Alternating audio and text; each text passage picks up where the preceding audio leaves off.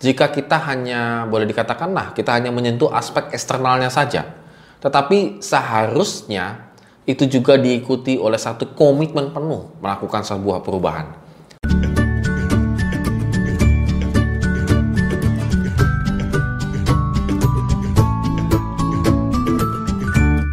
Shalom good readers. Hari ini kita kembali merenungkan firman Tuhan, tetap semangat dan optimis baik Anda yang sekolah, bekerja, maupun yang usaha, jangan khawatir Tuhan pasti akan pimpin setiap langkah kehidupan kita. Dan kita lanjutkan di 2 Tawari pasal 29 ayat 1 sampai dengan 36. Tetap semangat juga baca walaupun agak panjang hari ini uh, ayatnya.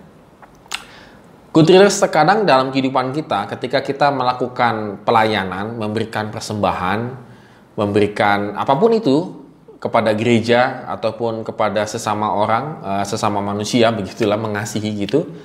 Terkadang itu kita inginnya menjadi sebuah konversi. Konversi itu pertukaran gitu ya. Karena saya sudah berbuat dosa, maka saya akan menukarnya dengan hal itu.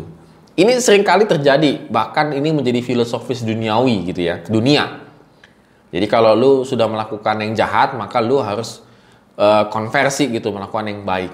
Lalu Pertanyaannya adalah sederhana. Setelah itu hidupnya bagaimana? Apakah uh, lepas dari kejahatan atau nanti suatu saat melakukan kejahatan dikonversi lagi gitu ya untuk melakukan kebaikan supaya yang jahat tadi bisa hilang begitu. Nah, sepertinya mungkin boleh dikatakan ya ini yang kita baca pada hari ini ya uh, secara umumnya. Hiskia itu artinya Yahweh adalah kekuatanku. Ia pewaris takhta ke-14 dari kerajaan Yehuda. Ia tidak seperti ayahnya Raja Ahaz hidup dalam keberdosaan. Keterpurukan bangsanya akibat hukuman Allah membuat Hizkia berupaya berbalik kepada Tuhan. Dalam usia yang sangat muda, ia menetapkan hati untuk hidup benar di, di hadapan Tuhan. Hal itu terlihat dari upayanya memperbaharui rumah Tuhan dan mengembalikan fungsi peribadatan yang benar di hadapan Tuhan. Ia mereformasi jabatan dan fungsi keimanan Lewi. Itu sebabnya ia memerintahkan seluruh suku Lewi mengkuduskan dirinya di hadapan Allah. Di samping itu, Hizkia menegakkan kembali ritual kurban bakaran di rumah Tuhan. Misalnya kurban penghapusan dosa untuk mengadakan perdamaian bagi seluruh bangsa Israel. Ia juga mengajak rakyatnya untuk memberikan persembahan sembelihan, syukur, dan puji-pujian kepada Tuhan. Ia beserta seluruh rakyat Yehuda menaikkan pujian dan sujud menyembah kepada Allah. Semuanya cara pengkudusan, pentahiran, dan persembahan kurban bakaran kepada Allah berlangsung kusyuk gitu ya dan dengan sukacita. Jadi memang Hizkia itu memang melakukan sebuah konversi gitu ya. Dia tidak mau melakukan hal yang jahat seperti bapaknya, lalu dia membalikkan situasi itu melakukan apa yang benar di mata Tuhan.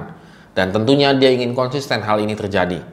Bagaimana dia menghidupkan kembali eh, hal-hal uh, yang sudah dimatikan. Bahkan boleh dibilangkan pintu-pintu itu sudah lama tidak dibuka pintu-pintu bait Allah itu. Tentunya hal ini menunjukkan mungkin bertahun-tahun atau puluhan tahun gitu ya, pintu-pintu bait Allah tidak berfungsi sebagaimana fungsinya. Oleh karena itu, Gutierrez kalau boleh saya renungkan juga pada hari ini, bahwa perubahan mental dan rohani itu tidak akan berjalan lancar jika kita hanya boleh dikatakan nah kita hanya menyentuh aspek eksternalnya saja. Tetapi seharusnya itu juga diikuti oleh satu komitmen penuh melakukan sebuah perubahan. Dan Hizkia berusaha untuk melakukan hal itu. Bagaimana caranya?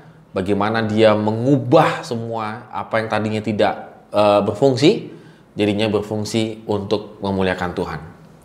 Pada hari ini Gutrius kita kembali lagi diingatkan ya bahwa janganlah kita melakukan sesuatu hal kebaikan ataupun hal-hal yang bersifat rohani itu hanya sementara artinya sebagai konversi atas dosa kita tidak.